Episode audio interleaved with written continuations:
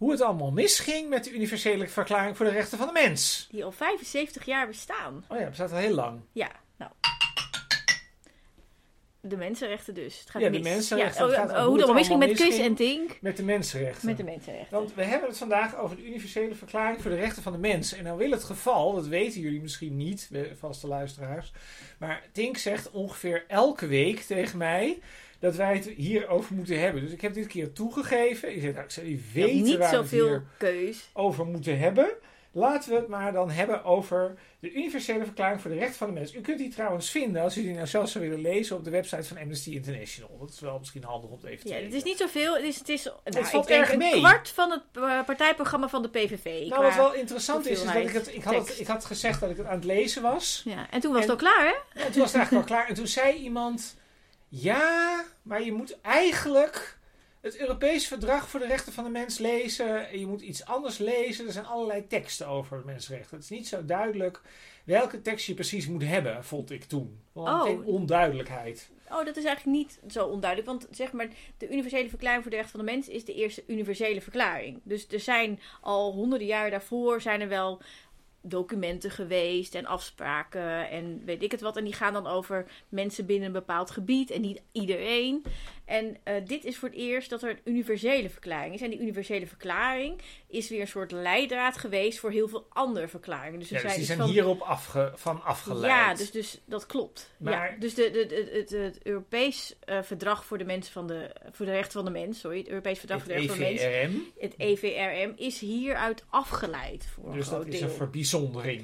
Eh, Ja, en, en die is bindend, want de Universele Verklaring voor de Rechten van de Mens is, niet natuurlijk bindend. een beetje een, ja, het is natuurlijk ook een beetje ook een reden om het hier eigenlijk niet over te hebben, want het is gewoon een vrijblijvend. nee, het is ding. ook niet vrijblijvend, Nou, het is is ook niet bindend. Ja. even, we gaan even, eerst even zeggen, dit is dus in 1948 is dit aangenomen Op de 10 Verenigde- december. op de, over de Verenigde Naties. Dat is dus bijna, daarom doen we het dus ook nu, want het is dus 75 jaar geleden. Ehm, en toen, nou, ik weet eerlijk gezegd niet hoeveel, hoeveel landen in de Verenigde Naties zitten, maar er waren in ieder geval acht onthoudingen.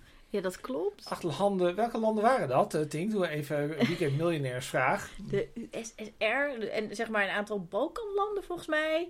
En eh Communistische landen. Saoedi-Arabië wilde het niet en die zei dan dat ze dat niet wilden doen omdat het tegen zeg maar, de islam ingaat. Maar toen ging Pakistan het wel tekenen en dat was toen zeg maar het grootste eh, autonome land zeg maar, met een, een, eh, islamitische eh, grond, moet je dat zo Maar zeggen? eigenlijk is het wel gek, want acht onthoudingen is heel weinig. Dus zelfs Ja, deze... maar dat was echt toch nog steeds nog nipt, zeg maar, dat het erdoor is gegaan.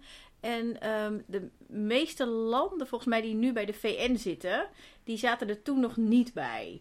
Dus toen was de VN minder was het nog compleet. niet zo groot. Ja, precies. En, maar het is omdat dit is dus. Het zijn onthoudingen, dus er zijn geen tegenstemmingen. Ehm, eh, dus op het moment dat je lid wordt van de VN, Moet je dit onder... dan, dan, onder- dan accepteer je dit, zeg maar. Dan Maar, omarm je dit. zijn, nou, tegenwoordig zijn toch alle landen zijn toch ongeveer bij de VN? Ja, dat klopt. Ja, dat klopt. dus, die, ja. dus eigenlijk iedereen steunt dit eigenlijk. Dat eigenlijk is dit heel ja, universeel. bijna iedereen. Ja, ja Zoals dat eigenlijk klopt. de naam ook zegt, is dit een universele verklaring. Ja, dat klopt. En het is ook. Terwijl wat- dat eigenlijk al meteen laat zien dat hij niet universeel is. Eh, nou, er is echt heel veel moeite ingestoken om het, om het ook voor iedereen ehm, ehm, handzaam te maken. Dus, dus ze hebben echt mensen meegewerkt vanuit heel veel verschillende ik culturen en ik politieke. Mag ik meteen één doen? Vind ik zo leuk. Ik wil nog, was nog even in mijn intro. dat was eigenlijk nog even... Kijk, ik wilde artikel 1, dacht ik. is leuk. Zullen we artikel 1 doen? Dan gaan we niet eerst met, het, met de inleiding en het voorwoord. De, de, de, de, Ja, de ik preambule. Oh, je wilt eerst de preambule doen. Nou ja, de- dat is de De inleiding, preambule zeg maar. zegt alleen maar dat het allemaal heel erg belangrijk is. Hmm. Maar nu doe je alsof dat niet belangrijk is. Nou ja, wat mijn punt is, dat Hm. is eigenlijk artikel 1. Oké. Kijk, bij artikel 1 staat... We En voor de helderheid, het is echt een hele korte, het is echt Ja, een het kort zijn document. 30 artikelen en het, en het zijn Echt eigenlijk kort. 30 zinnen met bijzinnen. Dus, Dus, het is als echt... je dit wil lezen, u leest het zo in een uurtje, lees je het echt met Met preambule en dan of misschien wel een half uur. Ja, Maar dan staat er, dus artikel 1 begint met de volgende zin.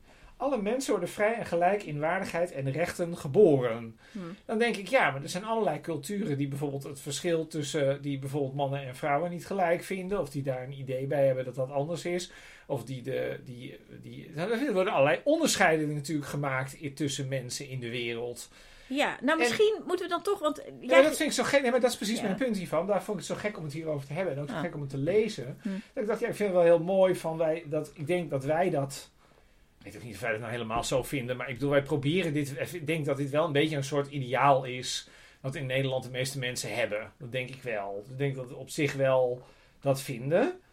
Ehm, maar ik denk eigenlijk dat wij ook denken. Een hele hoop landen vinden dat juist helemaal niet. En die hebben dit dus wel gesteund. Dus wat zegt dat dan over zo'n verklaring?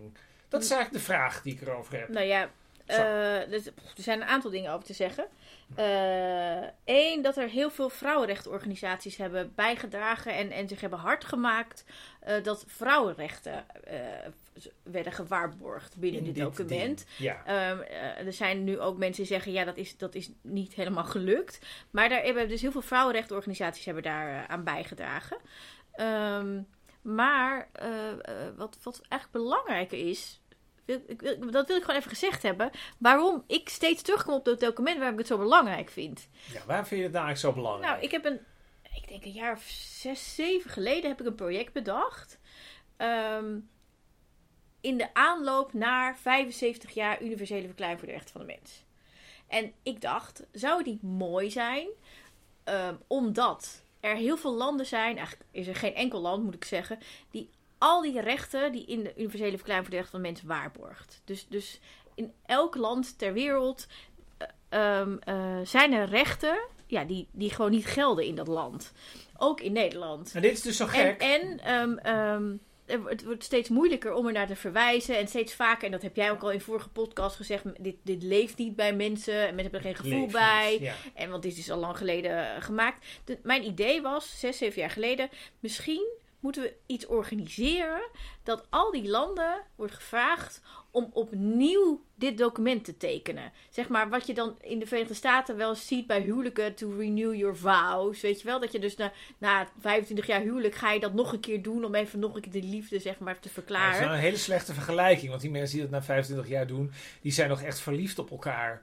Nou, en dit zijn juist Dit landen waarvan punt. je je Dit is precies het afvraagt. punt. Ik, ik dacht toen, toen ik dit bedacht, dat het een, een aanmoediging zou kunnen zijn om hier weer strikter op te zijn in de naleving van al deze rechten. Dat mensen eerst herinnerd worden en dat ze dan denken, oh ja, dat hebben we Precies, als we getekend. nu, ja, en ik dacht toen, er is geen land dat nu aan zal durven om dit niet nog een keer te tekenen. Je gaat niet tegen de universele verklaring voor de rechten van mensen in.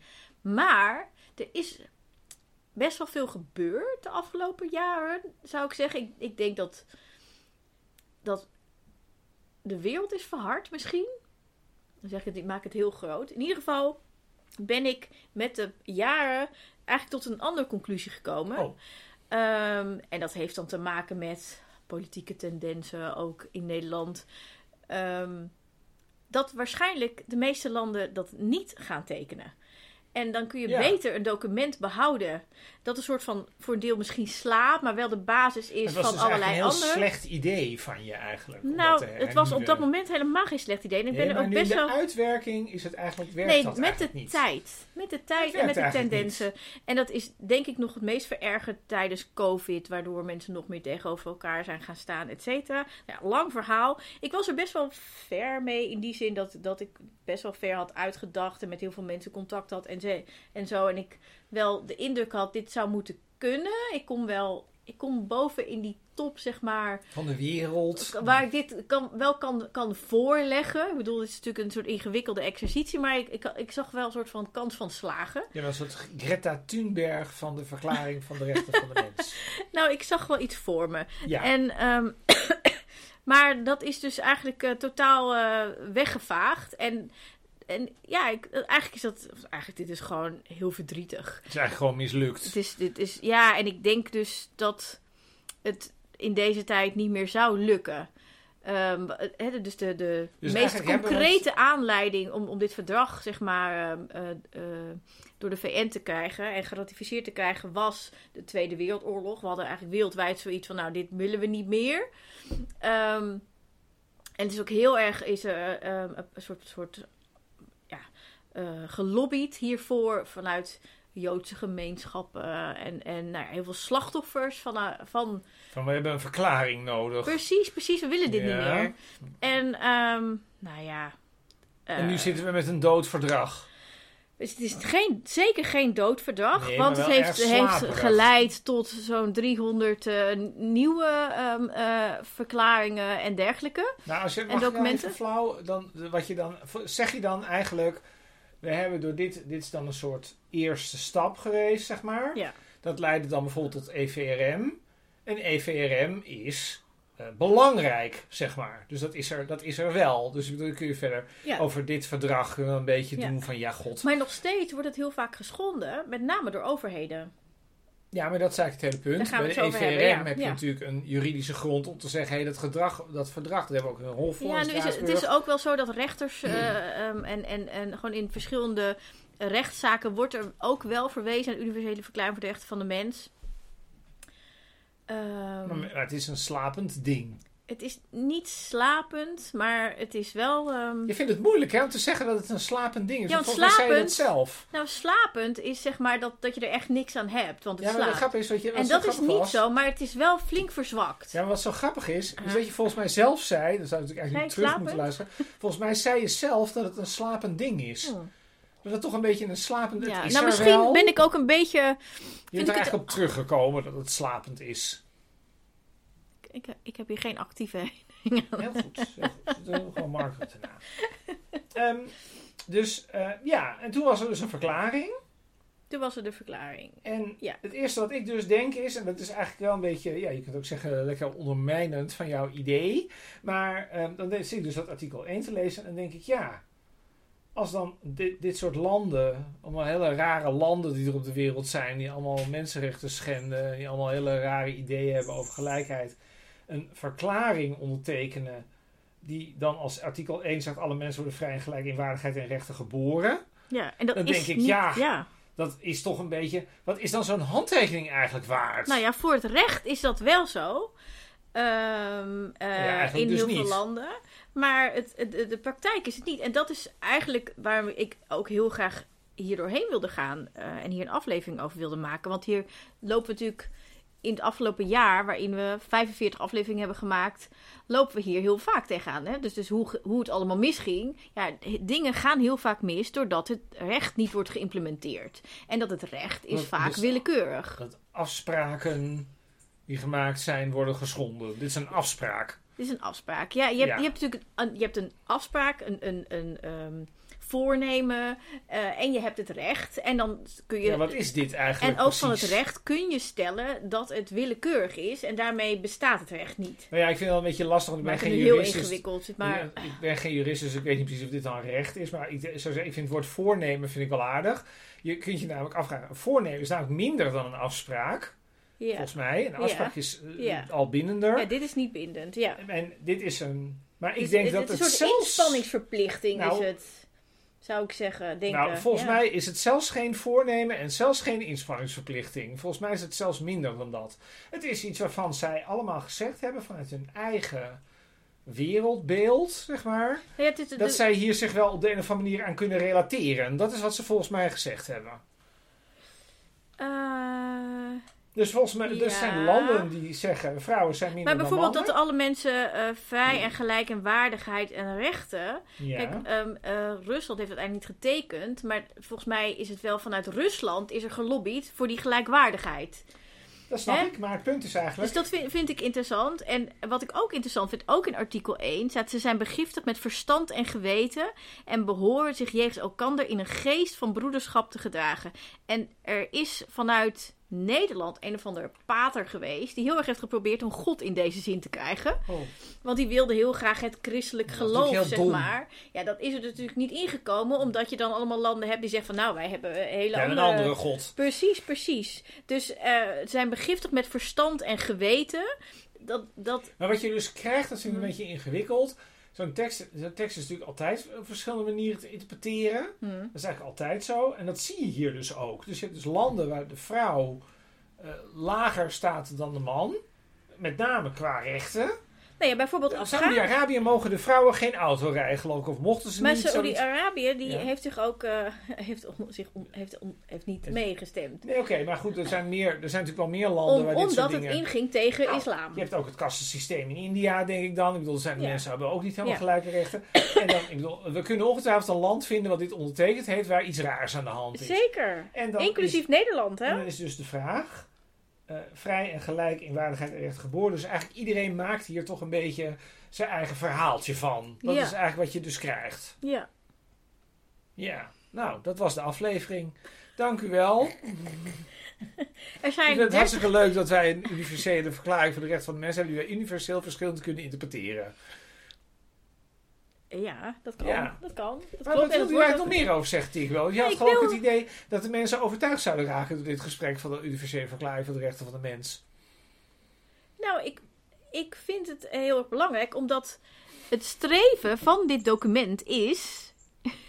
Ja, Ja, ja, dat wat er in de Tweede Wereldoorlog gebeurt, is dat het er nooit is. En dat eigenlijk precies alle mensen eh, vrij en gelijk in waardigheid en rechten worden geboren. Dus het streven is dat hiernaar wordt gehandeld. Dus, het er is natuurlijk een verschil tussen een idee, een soort ideaalbeeld over de wereld, Ja. hoe het zou moeten zijn, en, ehm, en interpretatie is een soort van zijweggetje. ik volg je. Maar het, het er naar handelen is nog een ander. En mijn indruk is dat er met zoveel ehm, bijna minachting wordt gesproken over dit document. Deed ik dat net? Dat deed jij inderdaad net ook. Nee, Maar ik bedoel meer ook bijvoorbeeld in politiek dan... eh ja, nu mensenrechten verdragen wordt dan in, in de... Ja, maar het is natuurlijk niet zo dat als het woord mensenrechten valt, dat mensen dan ook meteen over die verklaring hebben. Dat kun je wel, die kun je wel aan elkaar koppelen, zeg maar. Maar een hele hoop mensen, omdat het geen leeg geleefd document is. maar mensen die dat, Mensenrechten is gewoon een woord. maar mensen maar. die dat zeggen, kennen dit, hebben dit document Ja, maar dat niet bedoel ik gelezen. eigenlijk. Dan wordt het woord mensenrechten gebruikt in een soort algemene zin. En dat, dat, dat woord refereert wel terug aan dit. Nou, wat ik graag zou dat, willen... even. Als je dat nou zelfs niet zo ziet, zeg maar, of als je dat document niet hebt gelezen, Ja. ja, dan is mensenrechten gewoon een woord. Nou, wat ik graag zou willen, is dat we hier even doorheen gaan. En dat de mensen die luisteren, dat ze dan denken... Ja, wat zijn dat eigenlijk Ja, wat zijn het mensenrechten? eigenlijk? Zullen we eh, we, even we willen Ja? moeten even informatief, zeg Ja, maar, voor onze luisteraars. Van, Het, het wat leuke is, zijn nou fundamentele, wat zijn nou ook universele rechten? mensenrechten? wat zijn nou ook uw rechten? Exact, ja. Nou, daar gaan we. Daar gaan we. Artikel 1. Dat hebben we dus net gehad. Oh, Wil je het ja, nog een keer herhalen? Dat je mensen Alle- gelijk in waardigheid en rechten worden geboren. Ja. Ze zijn begiftigd met verstand en geweten en behoren zich jegens elkander in een geest van broederschap te gedragen. Ja, nou, twee is dat de mensen, eh, alle, dat iedereen, eh, dat er geen onderscheid gemaakt mag worden tussen mensen. Nee, dus een ieder heeft aanspraak op alle rechten en vrijheden. alles helemaal letterlijk graag. Nee, nee, ja, maar gewoon deze lang, eerste ja. zin. Dus dat betekent dat alles wat in deze verklaring staat, voor iedereen is. Dat is artikel 2. Ja, nou, dus artikel 3 heb je, blijkt u ook, u heeft ook recht op leven, vrijheid en onschendbaarheid van, de, van uw persoon. En dat is grappig, want dit staat dus ook in het Europees Verdrag voor de Rechten van de Mens. Oh. Het is daar artikel 2, dit is artikel Oh, 3 in deze. Verwarrend te maken. En, en, de, en dit is belangrijk, want de Hoge Raad heeft hierover geoordeeld. Omdat op het moment dat wij de klimaatdoelen niet halen, dat dit recht wordt geschonden. Ja, ja, Omdat het recht op leven dan in het geding komt. ja. Nou, daar gaan we het nog wel een keer over hebben. Ja, ja. Of we daar- Nou ja, het is gewoon toch goed Op om te vier- weten waar dit vandaan komt. Slavernij en horigheid mag niet. Nee, maar dat gebeurt natuurlijk hè, Wel, dat nog steeds. Er de is lopende band. ontzettend dat. veel eh, moderne slavernij. Dus, dus, hè, dus de, de, Ja. de slavernijverleden waar eh, finally excuses voor zijn aangeboden is. Eh, Dat is een stukje dat- van alles wat er dat allemaal is aan echt een stukje, is. precies. Dus als je, weet ik veel, kijkt naar kledingindustrie, de, wat we weten over wat er bij de Oeigoeren gebeurt. Maar misschien moeten we ook wel kijken naar de kassen in Westland. Eh, Als je eh, Een brede verhalen... interpretatie. Nou ja, als je hoort de verhalen, hoe mensen worden behandeld en met z'n allen op, op in kleine dat is geen slavernij. Nou, ehm, Het is ook een beetje oneerbiedig naar de slaven het is, nee, het is een vorm van moderne slavernij. Op het moment dat mensen geen keuze hebben om iets te doen Nou, wat ze beter wel, voor Ze ze hebben wel keuze. Het is wel... Het is wel Als je het geld nodig hebt. ja. Het is natuurlijk minimaal wat mensen Maar krijgen. dit is natuurlijk precies, maar dit is natuurlijk precies de discussie. Kijk, het punt is, dit, dit kun je vinden. Maar dat vind ik, dat vind ik dus niet. Maar mensen die kunt- in, in, weet ik het, India, in een fabriek Ja, waar hele spijkerbroeken andere- ja, worden ge- ge- ge- gemaakt werken, Ja, die krijgen ook betaald. Er zijn ook hele slechte Ja, maar, je hebt omstandigheden. het over, ja, maar je gooit heel veel dingen op één hoop. Huh. Er zijn nu van de slavernij, waar Nederland eh, aan bij heeft gedragen in de 18e eeuw, zijn we naar de sweatshops in India, naar de Polen in de kassen in het Westland gegaan. Het is niet Ik hetzelfde. vind- Tuurlijk is het Nee, niet ho, ho. hetzelfde. Nee, maar ho, ja. Het punt is, ik wil best ver gaan, Hm. denk ik, voor die mensen die in die sweatshops zitten. Daar wil ik best ver gaan. Dat ik denk dat zit wel in de. Dat, ik bedoel, het is altijd een beetje de vraag van welk label moet je erop plakken. Maar daar worden mensenrechten wel geschonden, want die mensen hebben geen keus. Maar het is natuurlijk niet zo dat de Polen die hier naartoe komen, die mensen worden wel slecht behandeld. eh, geen discussie. Ehm, en dat krijgen die amper mensen, betaald. Dat die, nou, ze krijgen wel betaald. Maar Nee. amper. Nou, ja, mensen in krijgen- sweatshops nee, krijgen ook ja. betaald. Nee, ja, dat is hartstikke leuk. Maar dit is precies de glijbaan. Daarmee, die mensen kiezen er zelf voor om naar Nederland te komen. Het zal best arm zijn in Polen. Maar die mensen hoeven hier niet te zijn. Dat zijn geen moderne slaven. Dat zijn mensen die onder hele slechte omstandigheden weinig verdienen. Nou, ik denk dat dat heel Dat discutabel is is, En ik denk dat... dat, Maar dit is dat precies, dit is eigenlijk hetzelfde als waar we het in het begin over hadden. Dit is in feite de interpretatievrijheid van deze tekst. ja, Ik vind dat niet, jij vindt dat wel. Ja, dat is nou precies het punt waarom je eigenlijk natuurlijk een langere tekst nodig hebt. ik denk dat het heel goed is dat het een korte tekst is. Want dan lezen mensen het misschien nog eens.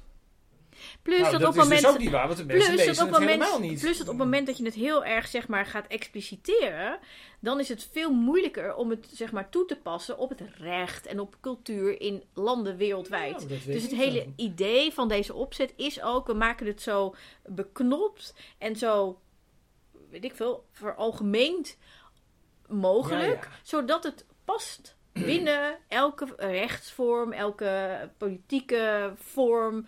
Ja, ehm, ja. hm.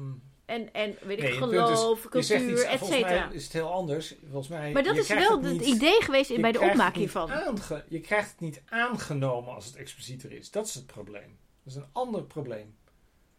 Je krijgt het niet aangenomen. Want dan denken namelijk een hele hoop landen... dan mogen we dit niet meer doen en dan mogen we dat niet Ja, meer doen. Maar dat is ook de die- ze hebben reden. die vrijheid nodig Klopt, om klopt. achter die Ja. tekst te kunnen blijven Plus staan. dat, de- dat het ook de reden is dat dit document niet bindend is. Ja, want de, de grap is dat eigenlijk is het een beetje gek dat wij bij artikel 4 al meteen het niet eens zijn over die slavernij. Want bij artikel 5, dat vind ik, ja, je kunt ook zeggen, daar is het eigenlijk ook, is waarschijnlijk ook interpretatievrijheid. Hm. Maar mensen mogen niet gefolterd worden, nog aan wrede, onmenselijke, on, onterende behandeling of bestraffing worden blootgesteld. Dus, ja, mensen mogen niet, ja. Wat Frontex doet. Eh, met eh, zeg maar de, de, de, de, de mensen die worden weer terug op bootjes gegooid en hun kleding afgenomen en in Wat elkaar is een foltering, denk ik dan? Is Wat is dat? mishandeling? Ja, mensen mogen niet mishandeld worden. Ja, lichamelijke mishandeling is dus ja, foltering, toch? Artikel 6. Waar moet, mensen moeten hebben het recht om erkend te worden voor de wet. Dat vond ik heel interessant.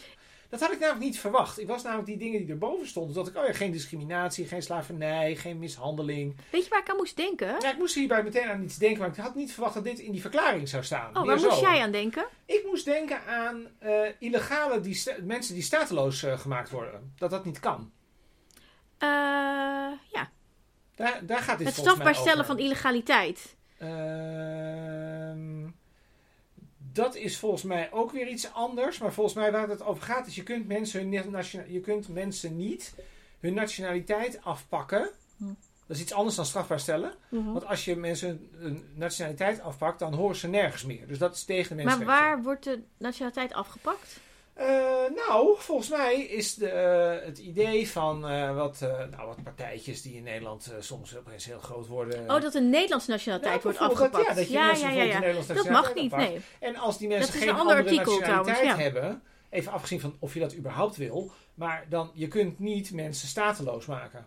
En dat doe je in sommige gevallen bij zo'n regel wel. Ik moest aan iets anders denken. Nou, wat dacht jij aan? Ik werd ehm, vorige week, de week ervoor, benaderd door iemand die twee meisjes wil helpen uit Gaza. Ehm, die eh proberen daar weg te komen. Ik heb geen idee of en hoe dat kan. Maar goed, in ieder geval, eh, apparently is er een reden om te denken dat dit toch op een of andere manier gaat lukken. En die meisjes die komen dus uit Gaza en die willen zo snel mogelijk eh, hier verder studeren, want die waren daar aan het studeren. Ehm, maar de vraag was. Ehm, kunnen zij wel asiel aanvragen in Nederland? Want Nederland erkent Palestina niet en dus hebben ze geen papieren. Ja, dat is ook zoiets. Ja, Ja, dat is ook zoiets. Dus wij vinden niet, maar die mensen hebben. Hebben zij dan wel papier? Nee, ze hebben helemaal geen papieren Ja. in Gaza. eh, Hebben die mensen papieren in Gaza? Ja, maar die worden dan dus niet erkend hier. Ja, dan hebben ze die niet. Ja, Dus dan zijn ze vanuit ons perspectief stateloos. zijn ze stateloos. Dat kan eigenlijk niet. Nee, Dus dan moeten we eigenlijk Gaza wel erkennen. Daar komt dat dan zou ik denken. neer. Ja. Nou, dat wordt nu allemaal wel heel explosief wat we zeggen. Dus we gaan meteen naar de volgende. Ehm, allen zijn gelijk voor de wet. Het is een zeven. Zonder onderscheid, aans- zonder onderscheid, hebben zonder onderscheid aanspraak op gelijke bescherming door de wet. Dus de wet moet je op dezelfde manier toepassen voor iedereen. Ja, Nou, klinkt logisch. Maar dat is natuurlijk niet zo. Want eh, ik moet even denken dat als jij als journalist of als politicus wordt ehm, bedreigd eh, en iemand wordt daarvoor ehm, gepakt, dan geldt een dubbele strafmaat. Ehm, En, eh, is op, en op het moment dat een journalist of een politicus aangifte doet van bedreiging, wordt dat sneller opgepakt dan wanneer gewoon een burger dat doet. Dat weet ik uit ervaring. Want ik, ik bedoel, ik ben natuurlijk zelf heel veel bedreigd. Als in heel veel. En daar doet de politie eigenlijk niets mee, of vrijwel niets mee. Ja, bij Geert Wilders doen ze er ook niks meer mee. Jawel, er zijn heel veel mensen veroordeeld, toch in de afgelopen Ja, jaren. maar het is geen relatie tot het aantal mensen die, die ooit iets gestuurd hebben. Het zo. Nou, dat geloof ik niet eigenlijk. Oh. Nee. Dus, maar dit is gewoon niet gelijk. Het is niet gelijk. De ene- Acht, ik vind 8 een beter. Ook dit vind ik weer. Dat, ja, we zijn het over niks eens. Maar bij artikel 8. Ik moet ook denken aan de toeslagenaffaire, ook bij artikel 8. Ik heb, Nee, de grap is bij artikel 8 is, heb je volgens mij de toeslagen niet nodig. Iedereen heeft recht op een daadwerkelijke rechtshulp van bevoegde nationale rechtelijke instanties tegen handelingen welke in strijd zijn met de grondrechten en toegekend bij de grondwet of wet. Maar het punt is eigenlijk, ik heb dat, dat is inderdaad de toeslagenaffaire die schendt dit. ja, Maar het is eigenlijk erger. Ehm, als jij een laag inkomen hebt, heb je heel vaak sowieso geen toegang tot recht. nee, totaal niet. Dus en ja. ook in Nederland niet. Het recht is onbetaalbaar geworden. Dus, ehm, Ehm, dus en- het is eigenlijk dus ook de toes dit geldt voor de toeslagenslachtoffers, maar het geldt voor veel meer mensen. Klopt, geldt dit. ja, voor heel veel mensen is het recht niet haalbaar. 9. Niemand zal onderworpen worden aan willekeurige arrestatie, detentie of verbanning. Ik moet denken aan die eh, mensen van Extinction Rebellion. Die eh, hadden opgeroepen voor, tot demonstratie op Twitter en weet ik het wat. En die zomaar uit hun bed werden gelicht. Ja, dat Dat is vrij willekeurig. Ja, dat kan niet. Artikel 10. Een ieder heeft in volle gelijkheid recht op eerlijke en openbare behandeling van zijn zaak door een onafhankelijke en onpartijdige rechtelijke instantie. Nou, dat is eh, waarschijnlijk in Nederland wel zo. Tenminste, ik, ik vertrouw daarop dat dat zo is. Misschien heb jij er een uitzondering bij. Maar dat is natuurlijk in heel veel landen die dit geratificeerd hebben, is dat helemaal niet zo. Nee, Nee. nee, dat klopt. Dat is, dat is, ik denk dat dat redelijk goed geregeld is in Nederland. Er zal vast wel eens een keer iets misgaan. Eh, maar ik heb daar geen voorbeeld van zo. Ehm, en ieder die, de- dan hebben we artikel 11. En ieder die wegens een strafbaar feit wordt vervolgd, heeft, recht op, heeft er recht op voor onschuldig te worden gehouden. Dus het gaat over de onschuld. Presumptie. Ja. Nou, wij hebben natuurlijk Nee. enorm veel mensen in Nederland die van dingen worden beschuldigd waarvan iedereen er maar van uitgaat dat dat waar is. Maar dat Dus- is meer in het publieke eh, domein, denk ik. Ja. Maar we hebben ook in het recht hebben we dit. En ehm, daar heb ik me lang mee bezig gehouden. Ehm, als jij uit Afghanistan in Nederland komt. Mhm. ehm, en eh, jij hebt in de jaren 80 een functie gehad als ambtenaar. Maakt niet uit of jij kok was, of postbezorger, of ehm, bewaker ergens, of buurtconcierge, of politieagent, of eh, ergens eh, postzegels moest likken. Maakt niet uit. Dan eh, word jij door Nederland gezien als een mogelijk oorlogsmisdadiger. En dan verlies jij al je rechten. En dan moet je bewijzen dat dit niet waar Dat is. Maar dat kan je niet Dat kun je niet bewijzen. Dus dat betekent dat in Nederland, en Nederland is het enige land ter wereld dat zo denkt over deze groep mensen. Het gaat over ongeveer 800 mensen in Nederland die hiermee te maken hebben. Al hun rechten zijn hen ontnomen door de Nederlandse staat. En er zijn heel veel mensen die hebben zelfmoord gepleegd en weet ik het, dat is heel vreselijk. Eh, maar dat gaat over dus Afghanen in Nederland met een 1F-verklaring, zo heet dat. Of een 1F-status, moet ik zeggen. En die, eh, ja, die zijn dus eh, schuldig totdat ze hun eigen onschuld kunnen bewijzen. Maar dat kan niemand. Nou.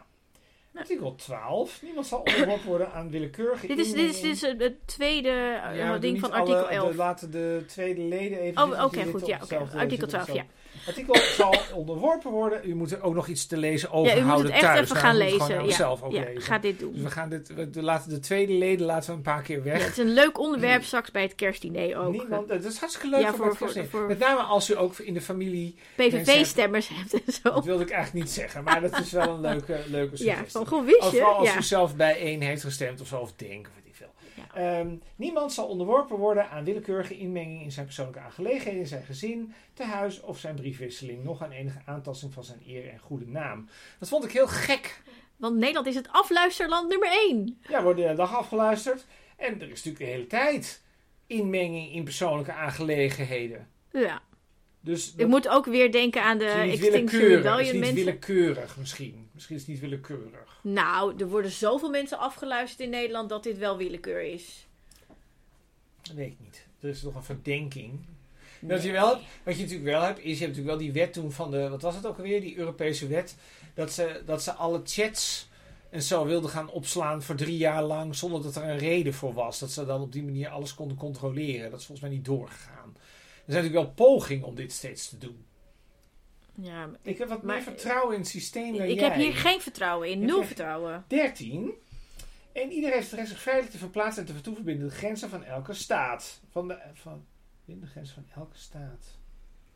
Elke staat? Ja, volgens mij...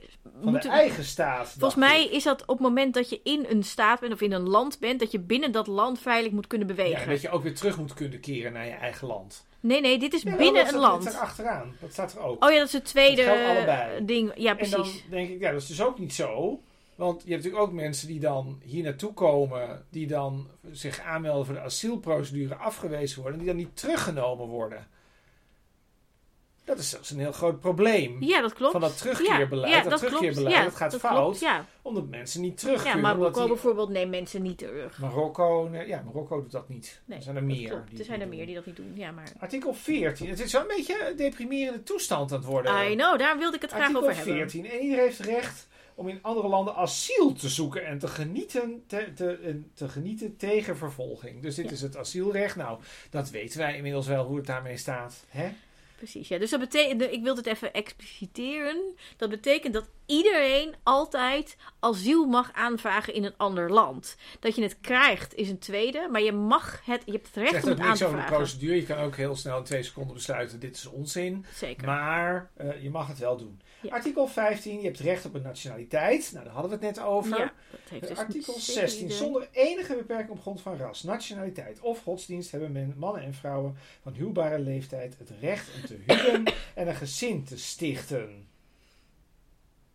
Een huwelijk kan slechts worden gesloten met de vrije en volledige toestemming van de aanstaande echtgenoten. Nou, eh, uithuwelijking en zo mag ook allemaal Zeker niet. niet altijd goed. Daar daar houdt, houdt ook niemand zich aan. Artikel 17. En iedereen heeft recht op eigendom. Het zij alleen, het zij te, of tezamen met anderen. En niemand mag daarvan worden beroofd. Nou, we worden de hele dag beroofd van ons eigendom door allerlei mensen.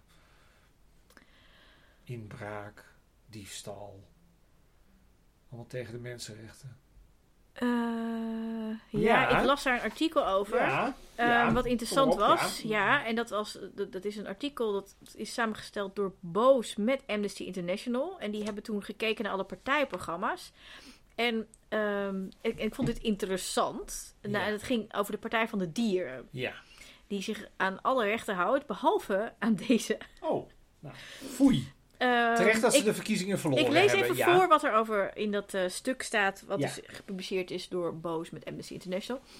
Een waanzinnig ambitieus programma van de Partij van de Dier dus, waarmee de juridische klimaatzorgplichten absoluut serieus worden genomen. Maar de radicale systeemverandering werpt een andere legaliteitsvraag op. Kun je dit beleid in een rechtsstaat realiseren zonder dictatoriale ingrepen? De hele maatschappij zou op zijn kop worden gezet als Nederland dit programma gaat naleven. Er zijn bijvoorbeeld inspraakprocedures en bezwaarmogelijkheden voor burgers. Het is toch maar de vraag of je die kunt respecteren en tegelijkertijd zulk ambitieus beleid kunt realiseren. Het gaat over klimaatbeleid. Bovendien zou het recht op eigendom in het geding kunnen komen. Volgens artikel 17 van de Universele Verklaring voor de Rechten van de Mens mag immers niemand willekeurig van zijn eigendom worden beroofd. Dus ook niet van zijn superjacht.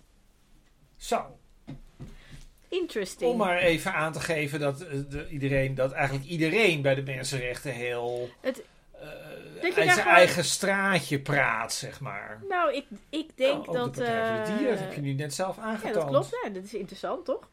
Uh, artikel 18. Eh, iedereen heeft recht op vrijheid van gedachte, geweten en godsdienst. Artikel 19 vond ik een beetje op lijken, vrije meningsuiting. En artikel 20 is vrijheid van vereniging. En vrije, artikel 21 is, is eigenlijk dat er een democratie is. Iedereen heeft het recht om deel te nemen aan het bestuur van zijn land, rechtstreeks of door middel van vrijgekozen volksvertegenwoordigers. Maar wat interessant is, is punt 3 van artikel 21. Ja. De wil van het volk zal de grondslag zijn voor, van het gezag van de regering. Deze zal tot uiting komen in periodieke en eerlijke verkiezingen. Ja, het woord eerlijk is natuurlijk ook een soort vergaarbak Ja. van...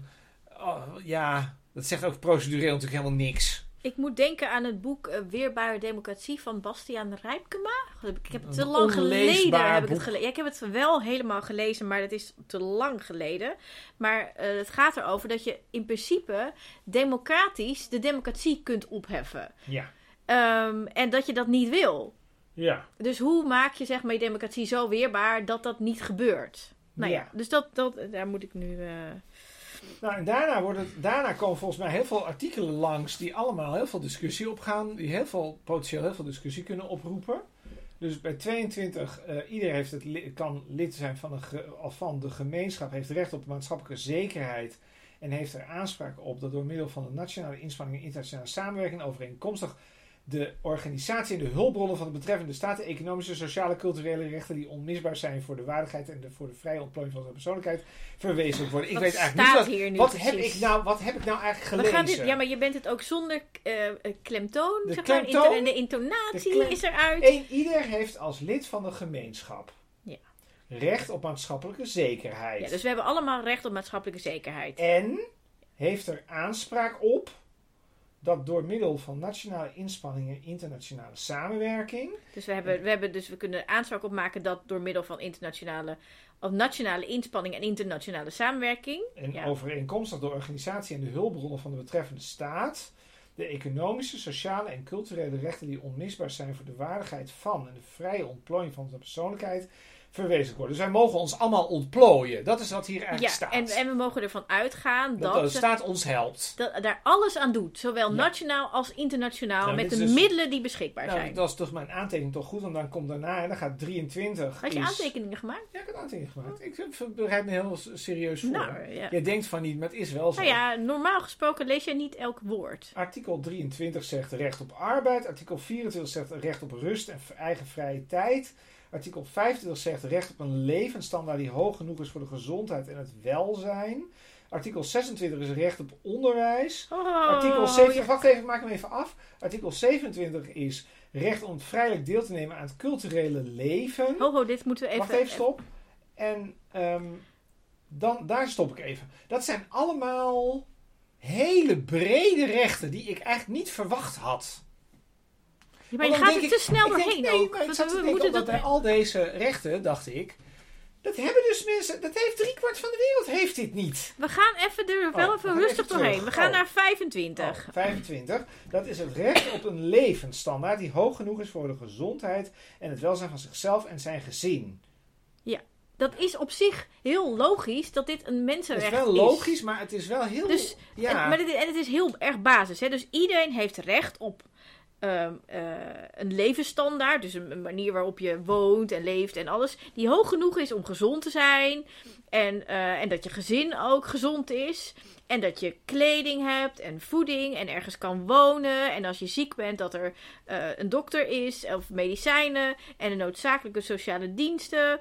En op het moment dat je werkeloos bent, door ziekte of invaliditeit, of dat er iemand doodgaat, of doordat als je heel oud wordt, dat er dan ehm, bestaansmiddelen zijn voor jou. Ik snap je wel. En, nou, de- maar dit is dus de, de, de, de, aller, is- gro- de- heel erg de basis Ja, is de artikel ironie 25. Is, de, de ironie is, dat natuurlijk een enorme discussie is van wat een fatsoenlijke levensstandaard is. Dat is natuurlijk helemaal niet duidelijk. Nou, ehm, we, we, we- het staat er Nee. gewoon. De ehm, eh, voeding. Dus je gaat niet dood van de honger. Ja. Ja. Kleding. Huisvesting. Geneeskundige even- verzorging. En noodzakelijke Ja, die- sociale diensten. Allerlei, allemaal dingen, maar ik wil eigenlijk, het is handig om er eentje uit te halen. Als je dan bijvoorbeeld hebt over, nou laten we die kleding nemen. Ja. Wat is dan precies de standaard? Nou, ik zou zeggen dat Ja, je dat je elke dag een schone onderbroek aan kan.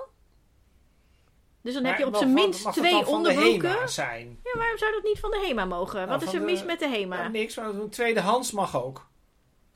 Nou, waarom niet? Nee, maar weet niet, maar dat is een beetje de vraag. Dat is nogal, dat is nogal een rijkwijde. Ik denk dat het gewoon, weet ik veel, dat je gewoon je fatsoenlijk kan kleden. Ja, maar dat is natuurlijk... En dan bedoel ik niet van nou, alsjeblieft eh, meneer Chris Albert, hier heb je een clownspak, trek dit maar aan. Maar gewoon Ja, maar iets... dit is natuurlijk precies weer het punt met die interpretatievrijheid. Dat sommige mensen zullen zeggen van ja, ik bedoel, twee, twee, twee onderbroeken met gaten erin uit de tweedehands is niet genoeg, zeg maar. Terwijl je, ook, je kunt natuurlijk ook kunt zeggen, als ik de mensen niet, als ik een, een of andere autocraat ben en ik wil volgens de mensenrechten handelen, dan zeg ik nou, ik vind die twee onderbroeken met die gaten erin vind ik eigenlijk wel voldoende. Want ik voldoe hier aan het criterium van de kleding. Het laat natuurlijk toch wel weer iets zien over een totale vrijblijvendheid die dat heeft.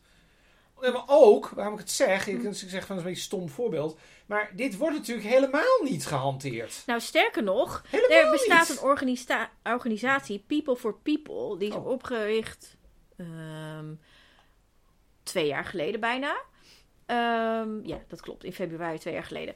Ehm, en zij gaan onder andere langs AZC's om schone onderbroeken te brengen. Want heel veel mensen die naar Nederland komen, vluchtelingen of asielzoekers, die die hebben alleen maar die ene onderbroek Dus bij zich die ze aan hebben. En, eh, en onze Nederlandse overheid, ons, ons opvangsysteem, Plat gezegd. plat gezegd, zorgt niet voor die tweede onderbroek. Maar even flauw gezegd, dus dit, als je het hebt over bijvoorbeeld vluchtelingen in Nederland, die in die asielprocedure Hoe we zitten, daarvoor zorgen, die krijgen die- dit niet. Die krijgen dit niet. Nee. Ehm, dan zijn we bij 28 aangekomen. En ieder heeft recht Ach, op oh, je slaat er een paar over. Nee, die heb ik net besproken. Oh. Artikel 28. En ieder nee, nee, heeft- nee, nee, nee, nee, nee, nee, nee. Artikel 27 vind ik heel belangrijk. Nou, artikel 27. De vrije deelnemen aan het culturele leven van de gemeenschap. Om te genieten van kunst en om deel te hebben aan wetenschappelijke vooruitgang en de vruchten daarvan. Ja, jij zit daar een beetje te. Maar dit is heel belangrijk. Dus in de Ja, maar het is, het is vanuit een. Het, is, dat, het gaat dan niet meer over basisbehoeften. Het gaat over Jawel, een enorme... een ieder en het heeft- wordt ook niet gehanteerd. Hè? Dus Stil het heeft even, helemaal stil geen even, stil even. consequentie. Een We gaan nu ieder. ruzie krijgen. Een We gaan nu ieder. even vechten. We hebben nu even... Chris, een- hou je bek. Een ieder heeft het recht op de bescherming van de geestelijke en materiële belangen, voortpruitende uit een wetenschappelijk, letterkundig of artistiek werk dat hij Oh heeft ja. voortgebracht. Dus dat betekent dat als jij iets hebt gemaakt, of iets hebt geschreven, of dat je dus werk hebt gemaakt, dan moet dat beschermd worden. Ja, maar ik vind het heel raar. Dat, ik vind het wel een goed recht. Maar ik vind het heel raar dat dat in zo'n verklaring staat. Dat is natuurlijk van alle dingen die hier staan. Wij vinden dat allebei heel leuk dat dit erin staat.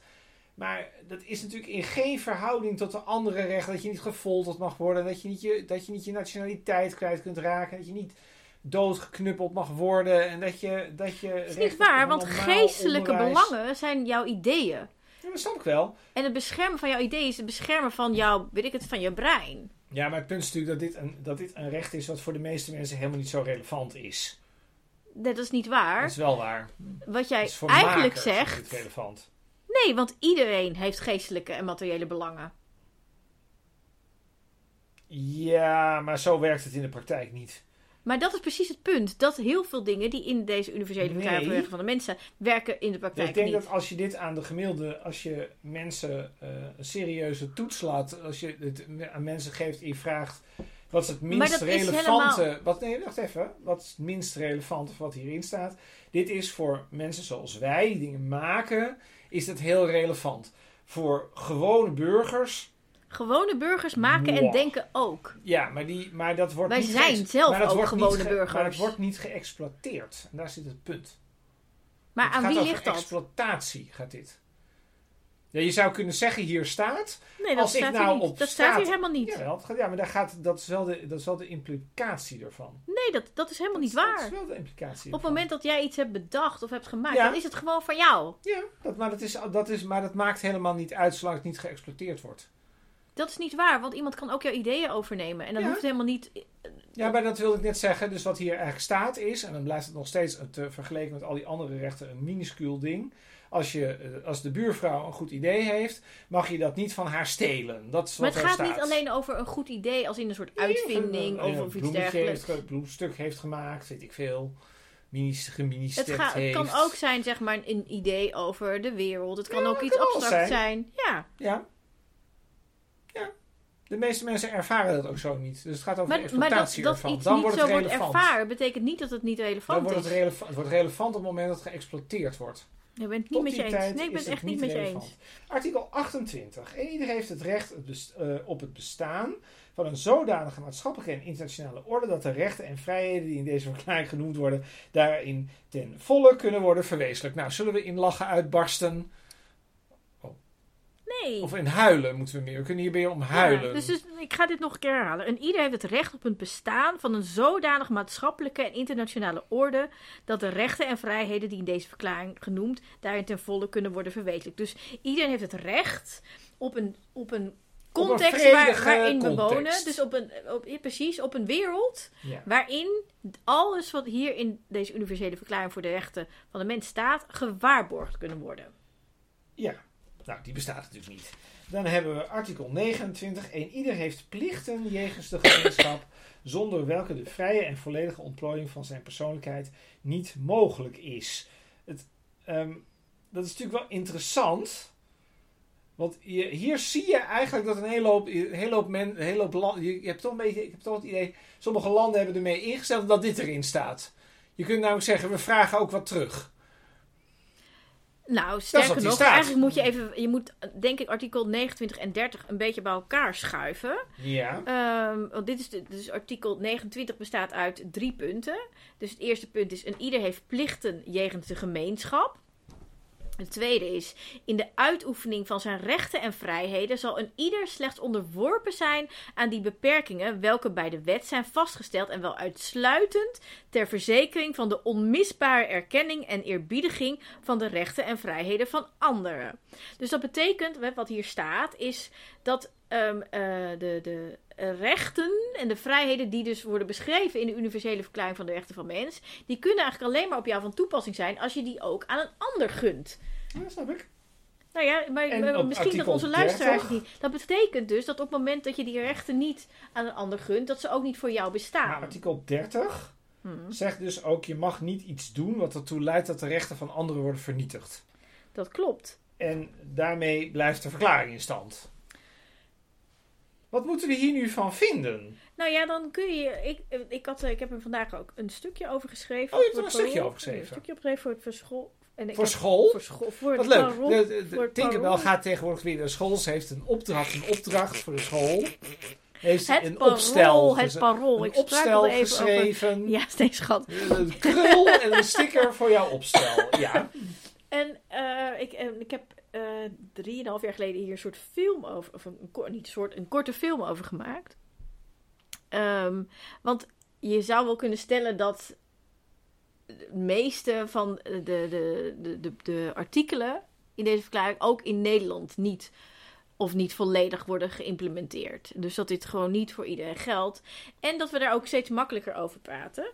En ehm, Zit een beetje in de weg, dat ding. ik denk, nou ja, je kunt je afvragen, hoe kan dat nou? Want op zich, als je het hebt over mensenrechten, moeten er mensenrechten zijn, dan zullen de mensen meestal nog zeggen, ja, nee, natuurlijk moeten mensenrechten zijn. Maar hoe kan het dan tegelijkertijd dat wij zo makkelijk eroverheen stappen dat rechten van andere mensen eh, heel ernstig worden geschonden. Dan heb ik het bijvoorbeeld over de pushbacks van vluchtelingen, over de, de, de weet ik hoeveel, 6000 kinderen die inmiddels zijn overleden in Gaza. Eh, er zijn natuurlijk Ja, het zijn wel ver weg. Het zijn allemaal wel weer voorbeelden die ver weg zijn. Nou, wat volgens mij deze dingen eh, gemeenschappelijk hebben, er zijn natuurlijk heel veel voorbeelden. Ver weg is Ehm, altijd eh, minder. Ook over eh, de, de, de kleding- en spullenindustrie in India, in China, Ja, in het Pakistan en het is wherever. allemaal ver weg. Het gaat niet over Nederland. Nou, het is niet alleen Nee, dat het het niet over Nederland gaat. Het gaat in hoe we erover praten, niet meer over mensen. Het gaat over wel. een tsunami eh, van vluchtelingen. Het gaat over gelukzoekers. Het gaat over jodenhaters. Het gaat niet meer over mensen. Het gaat niet meer over individuen. En op het moment dat het niet over mensen gaat in ons hoofd, dan hoeven wij Nee, ook geen, hoeven niet- wij deze mensen ook geen Ja, mensenrechten je toe te kunt kennen. Niet, je kunt niet met iedereen op de wereld een gelijke. eh, Maar dat is niet wat ik zeg. Ja, nee, dat Dat- zeg, ja, maar ik zeg ook iets anders. Ik maar zeg het ook klopt iets niet. anders. Je luistert niet wat nee, ik zeg. ik zeg iets anders. Ik zeg iets anders. Dat klopt. Ik zeg dat je niet met iedereen een gelijke band kunt voelen. Dus naarmate het verder maar dat hoeft is, ook niet. Dat, is, dat, dat zeg ik ook niet, dat dat moet. Ik zeg dat het zo is. Dat zeg Maar, ik. maar niet dezelfde band hebben is iets anders dan dat je mensen dehumaniseert. Dat is, dat is ook maar de vraag of dat zo is. Want dehumaniseren die mensen aan de andere kant van de wereld hebben niet zo heel erg veel boodschap aan hoe wij precies met maar wij dehumaniseren ook mensen in Nederland. Nou, dat is precies waar ik naartoe zou Dat is willen. nu ongeveer de grootste Ik partij zou- in Nederland maar- die dat doet. Maar ik zou dus ook veel liever het hebben over Nederland. Hmm. Ik zou, vind het veel interessanter over wat in onze eigen. Ja, ik weet dat dit is jouw perspectief niet, maar het is mijn perspectief wel. Hmm. We hebben in Nederland invloed op wat wij hier in dit land doen. We hebben helaas weinig invloed op wat er in Jemen gebeurt, et cetera, et cetera. Dus we kunnen aan heel veel ellende in de wereld kunnen we niet zo verschrikkelijk veel doen. Ik ben bijvoorbeeld cynisch over wat wij aan Gaza kunnen doen. Geen andere- wapens leveren aan discussie, Israël maar bijvoorbeeld. dat, ja. ik vind dat ingewikkeld. ik denk dat we daar relatief En weinig ons daarover uitspreken. Dat kunnen we doen, maar dat heeft weinig, dat, ik denk Nou. dat dat heeft weinig zin. Maar wat wij wel kunnen doen, is we kunnen wel in eigen land daarnaar kijken. En wat ik dan bijvoorbeeld een hele, wat bij mij bijvoorbeeld heel erg binnenkomt, Hm. is dat ik denk, we hebben het recht in Nederland voor heel veel mensen heel erg ontoegankelijk gemaakt. En dat is gewoon beleid. Wat Ja. gewoon uit de Tweede Kamer komt. Kijk, dat, ik snap, wij zien dit allemaal totaal anders. Maar kijk, je kunt zelfs bij die pushbacks, hè, dat is tegen de mensenrechten.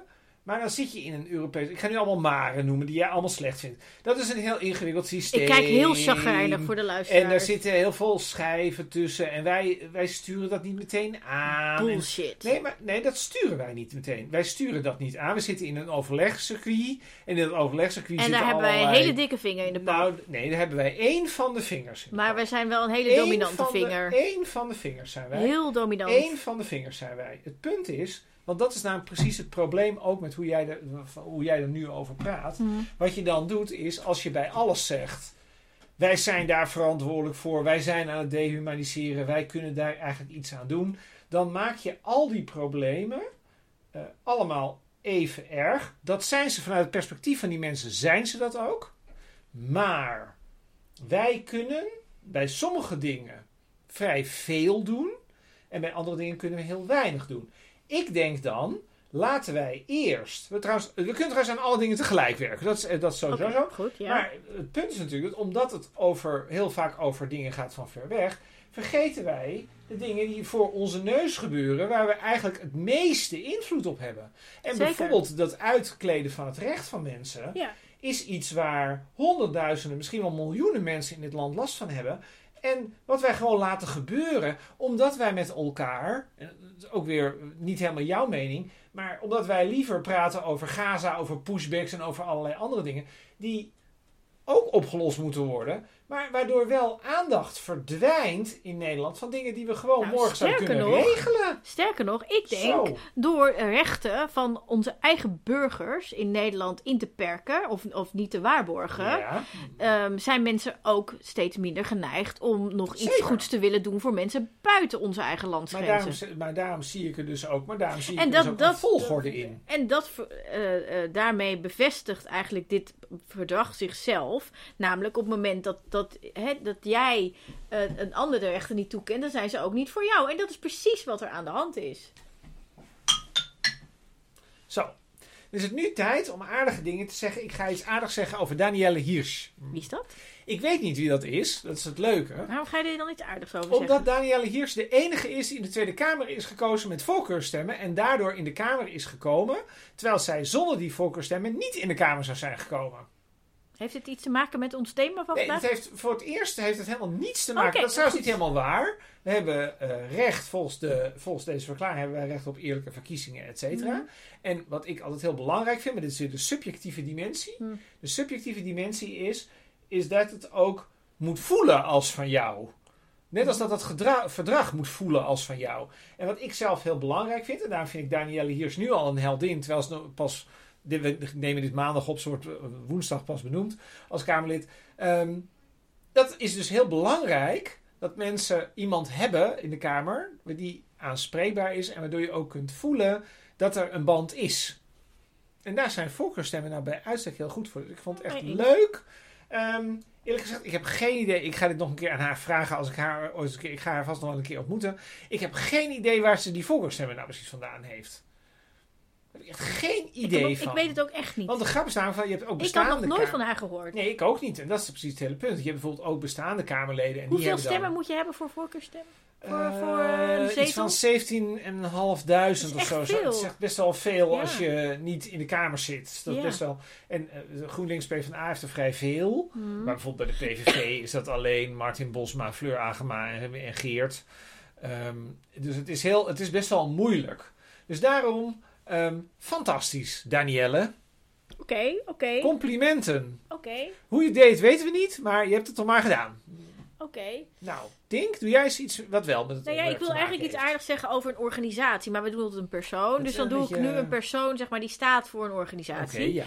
En dat is Dagmar Oudshoorn. En zij is de directeur van Amnesty International in Nederland. Oh ja, Dagmar Oudshoorn van Ja. Amnesty International in Ja. Nederland. En, ja. en ehm, eh, ja, ik ken haar eigenlijk niet. Want ik, ik ben nog een beetje van, van eh, Eduard Nazarski, zeg maar. oh ja, die was daar vroeger. En daarna had je volgens mij René Bruins daarvoor. Ehm, Het is best wel zinloze kennis. Dat je wel alle oude directeur kunt noemen, maar dat je niet met, in contact bent ja, met dus ik, nieuwe. ik, dus ik dacht, ik, Dus we gaan haar een kaartje ja, sturen. precies, Ja, precies. haar We met haar koffie ja. drinken. Ja. ja. En, en, eh, en, en Amnesty International is echt een hele belangrijke organisatie. Want toen de Universele Verklaring voor de Rechten van de Mens werd geratificeerd in 1948, toen had het eigenlijk nog niet zo. Toen leefde het nog niet echt. Het is mede door Amnesty International gaan leven. En dat is echt in 1961 geweest, is, is Amnesty opgericht. En, en zij hebben dat eigenlijk mede groot gemaakt, het gevoel van het belang van de rechten voor de mens. Universele Verklaring voor de Rechten van de Mens. En daar hebben ze ook de Nobelprijs voor de Vrede voor gekregen in 1977. Dat wilde ik nog even, deze kennis die ik natuurlijk van tevoren had Dat is ook allemaal totaal niet- zinloze kennis, maar ja, wel maar het is wel belangrijk. Ik wil het belang van, de, van, van Amnesty International. En wat ik dan nog even wil zeggen ook, is dat er altijd een soort van schrijfdag is. Op 10 december is de dag van de mensenrechten. Dat is komende zondag. Dan kunt u ook schrijven. Ja, dat is ook Schrijf uw oma een kaartje. de dag dat de, dat de film die over mij is gemaakt in première gaat. Die ook gaat over dat het recht Ja, niet dat gaat bestaat. ook Dus helemaal mis. Even, precies. Die komt nog op televisie, daar moet u later naar kijken. Eh, daar komen wij nog binnenkort nog een keer op Ja, daar terug. komen we op terug. Ehm, Maar, eh, tot die tijd kunt u luisteren naar ons nagesprek. En dan gaan wij praten over eh, de relatie tussen deze, dit prachtige verdrag en de PVV. Ja, Dat heb ik namelijk zin in. nou, dat gaan we doen. Dus, Nou, dat- dus en trouwens, als u nou- Als u dat slash- wilt, ja. Dat Je moet er dan niet doorheen praten. Oh. Dan moeten we naar petjeaf.com slash hoe het allemaal misging. En dan kunt u donateur worden en dan kunt u dat nagesprek ook echt luisteren. Precies. Sowieso vinden we het heel leuk als u donateur wordt. Want dit kost ons natuurlijk gewoon een dag Bakken per week. heel veel eh, tijd, twee dagen. En we doen dit allemaal met liefde eh, natuurlijk. Maar het is wel leuk dat u dan af en toe een kleine donatie doet. Dan kunnen wij een keer naar de Efteling of zo. Ja, nou goed, dat was het. Dag.